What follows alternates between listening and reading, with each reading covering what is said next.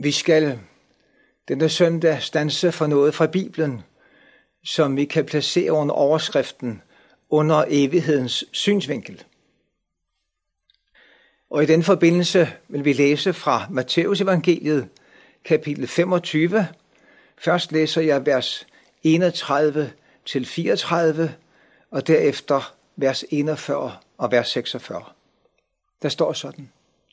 Når menneskesønnen kommer i sin herlighed, og alle englene med ham, der skal han tage sæde på sin herlighedstrone.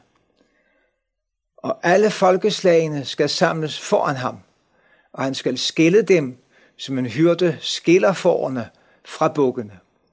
Forerne skal han stille ved sin højre side, og bukkene ved sin venstre. Der skal kongen sige til dem ved sin højre side, Kom, I som er min faders velsignede, og tag det rige i arv, som er bestemt for jer, siden verden blev grundlagt. Og så vers 41.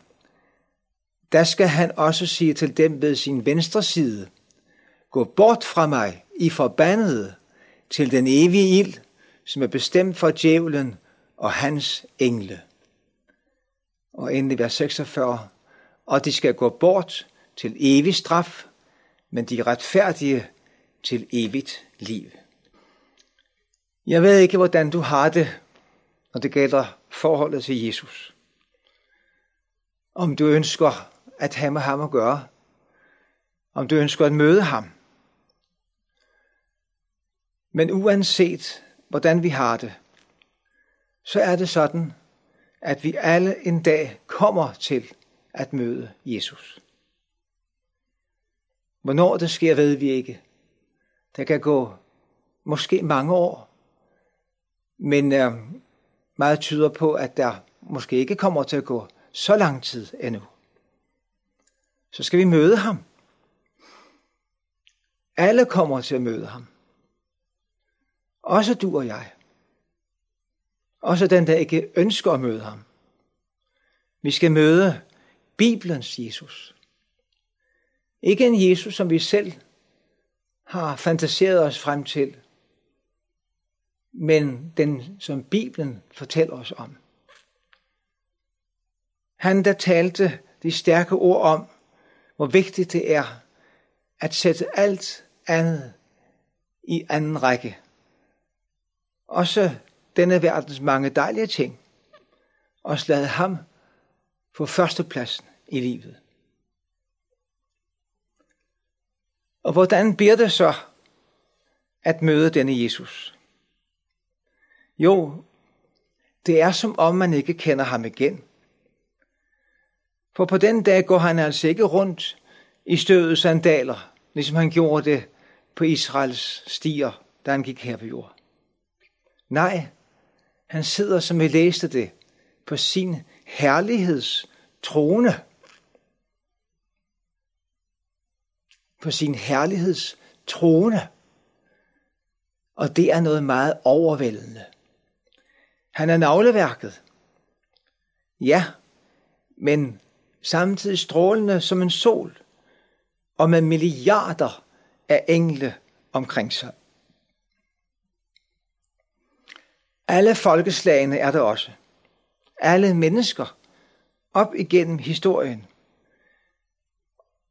Inklusive dem, der dømte ham til døden.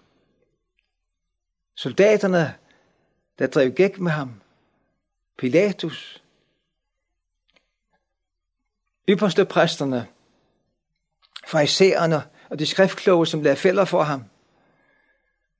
Og alle hans modstandere op igennem tiden.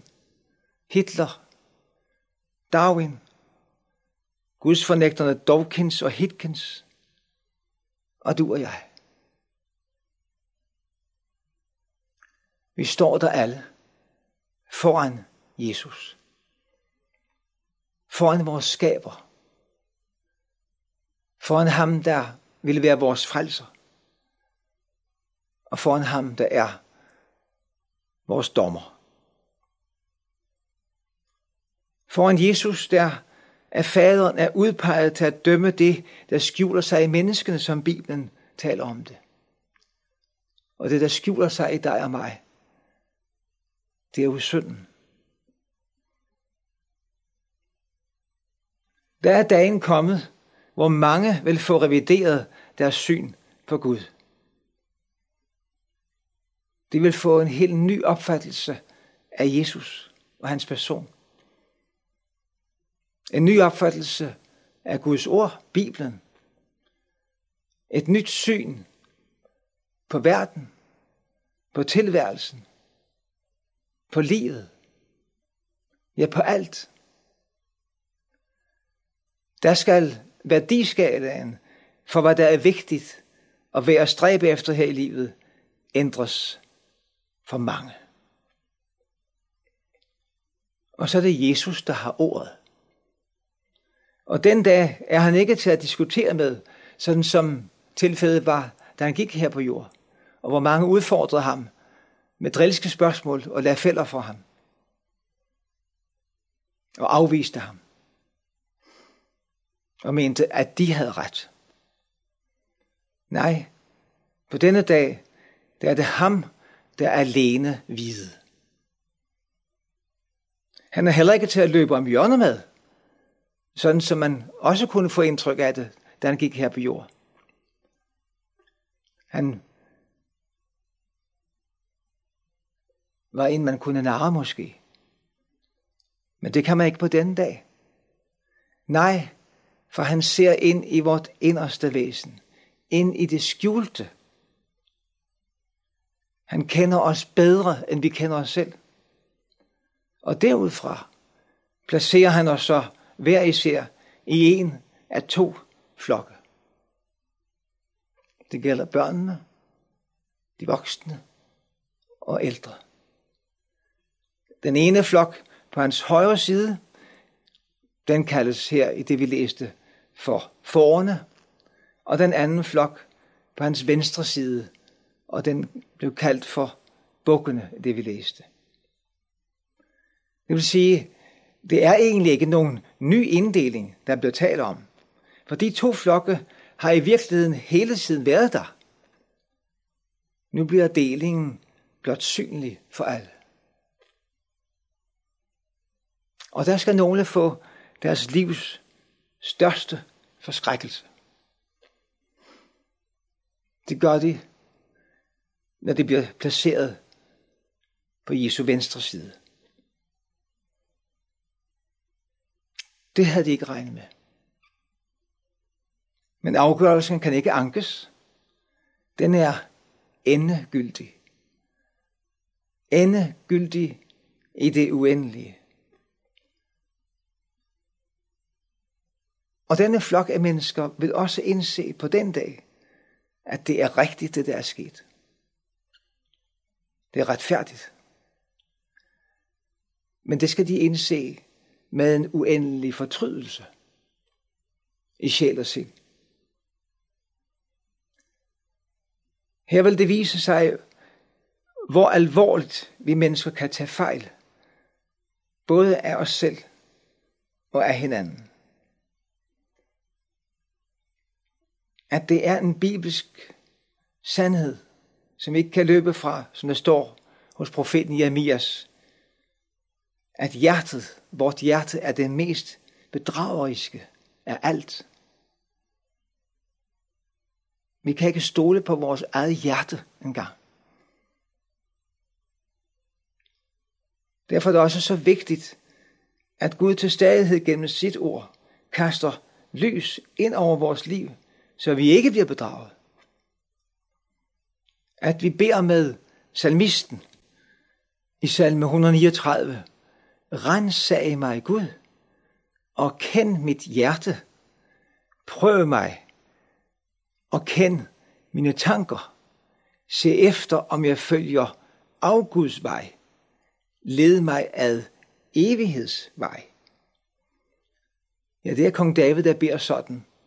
Og det gør han jo i erkendelse af, at jeg kan ikke bedømme mig selv, når det kommer til stykket. Jeg kan ikke vurdere, om jeg er på ret vej selv. Gud må ind i billedet. Han må afgøre det for mig gennem sit ord. Han må vise mig det. hvilken vej følger jeg? Følger jeg Augusts vej? Eller følger jeg evighedsvej? Jeg sagde, at Gud må til stadighed gennem sit ord kaste lys ind over vores liv. Et andet sted tales der eksempelvis om syndens bedrag. Og du ved, et bedrag, det er noget, man er genstand for, uden man har nogen anelse om det.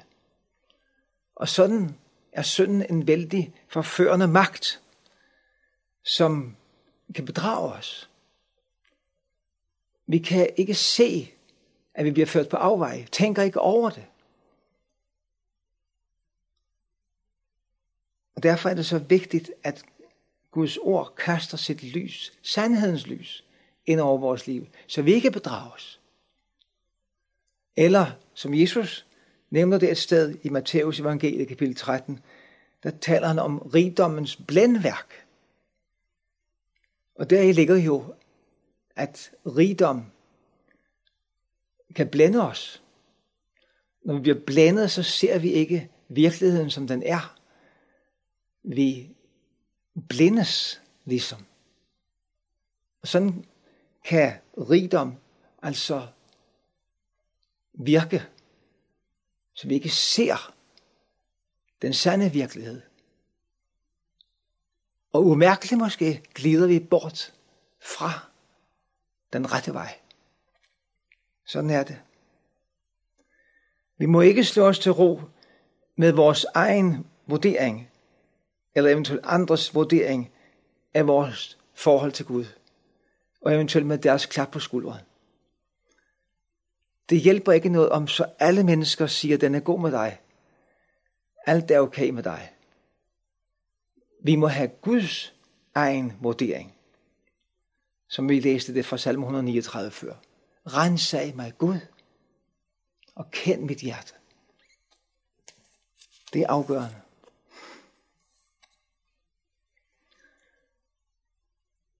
Spørgsmålet er så, hvornår er man for, ifølge Jesu udtryksmåde her, og hvornår er man buk? Bukkeflokken, ja, det er dem, der mener, at de ikke skylder Gud noget.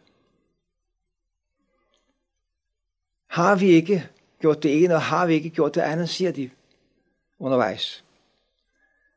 Men sandheden er, at de ikke har elsket Gud, fordi han elskede dem først. De har ikke brudt sig om Gud.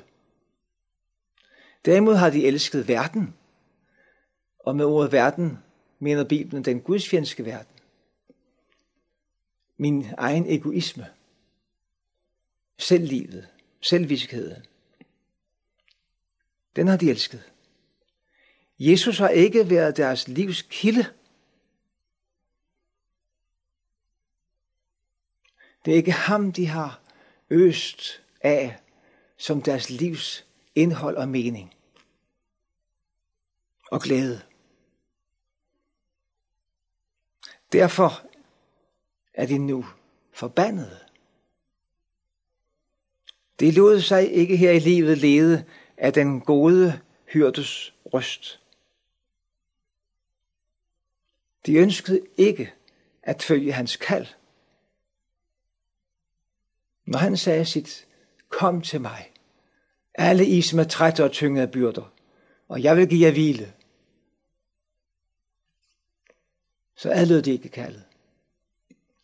De valgte deres egen vej. Og nu skal de blive fri for ham. For evigt. Et første møde med Jesus måske. I hvert fald det sidste. Og så skal de høre de mest forfærdelige ord, som der kan lyde fra Jesu egen mund. Nemlig ordene, gå bort. Gå bort i forbandet. Ikke med fred, men med hans forbandelse, han som er livet selv, som er sandheden selv, som er kærligheden selv. Han, som er herlighedens herre. Tænk sig, de skal gå bort med hans forbandelse. Ja, de skal marchere afsted til den evige ild. Og det er jo en tilstand, som aldrig ophører. Det er en beskrivelse af det forfærdeligste, der kan tænkes. Og de må gå. Ingen kan der vende om. Men det tror jeg faktisk heller ikke, de ønsker. For der er noget dybt i dig og mig, i os alle sammen, som vil adskillelsen fra Gud. Som vil fortabelsen. Det er synden i os. Arvesynden. Det er det gamle menneske. Og øh, når vi ikke er blevet frelst fra det gamle menneske, udfriet fra dets magt, så er vi jo i dette gamle menneskets vold. Det gamle menneske, der vil adskillelsen fra Gud. For evigt. Men det bliver med en evig bevidsthed om, at kongen, min egen skabers kærlighed og nåde mod mig, var spildt at min egen skabers kærlighed og noget var forgæves. Det bliver med den bevidsthed, de går bort. Og her ligger en fortrydelse, som aldrig får ende. Gud giver, at ingen af os kommer til at være blandt dem. Hvor er det afgørende vigtigt, at ingen af os kommer til at være blandt dem. Der skal mennesker sande, at Jesus talte sandt, også når han advarede mod selvretfærdighedens surdej, mod værtsliggørelsens fare, mod rigdommens bedrag, dette at vi for penges og tings skyld kommer til at sætte Guds rige og Jesus på anden pladsen.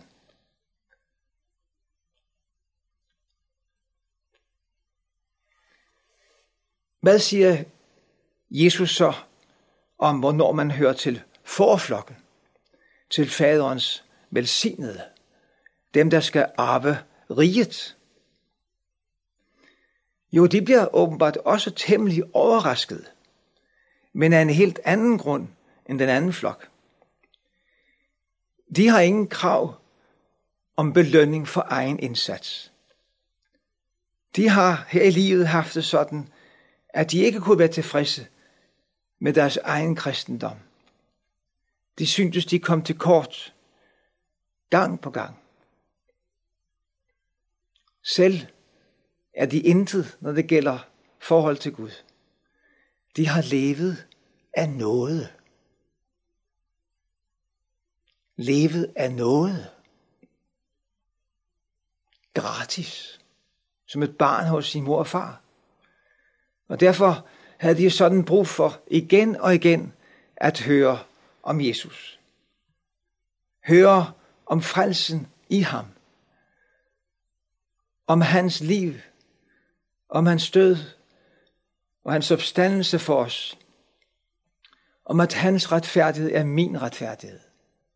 At han gælder i mit sted. Og midt i det har de været velsignet af Gud som det hedder sted, velsignet med al den himmelske verdens åndelige velsignelse. Og derfor er de også de velsignede nu. Velsignede med Jesu egen velsignelse. Velsignede medarvinger sammen med ham. Og som sådanne får de nu de livsalige ord at høre, som jeg læste det. Kom, I som er min faders velsignede og tag det rige i arv, som er bestemt for jer, siden verden blev grundlagt.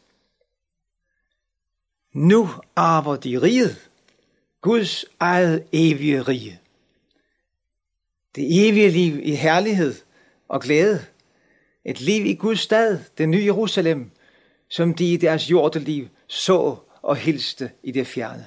Ja, en ny himmelsk jord, hvor retfærdighed bor, og hvor Gud selv er midtpunktet. Lykkelige mennesker.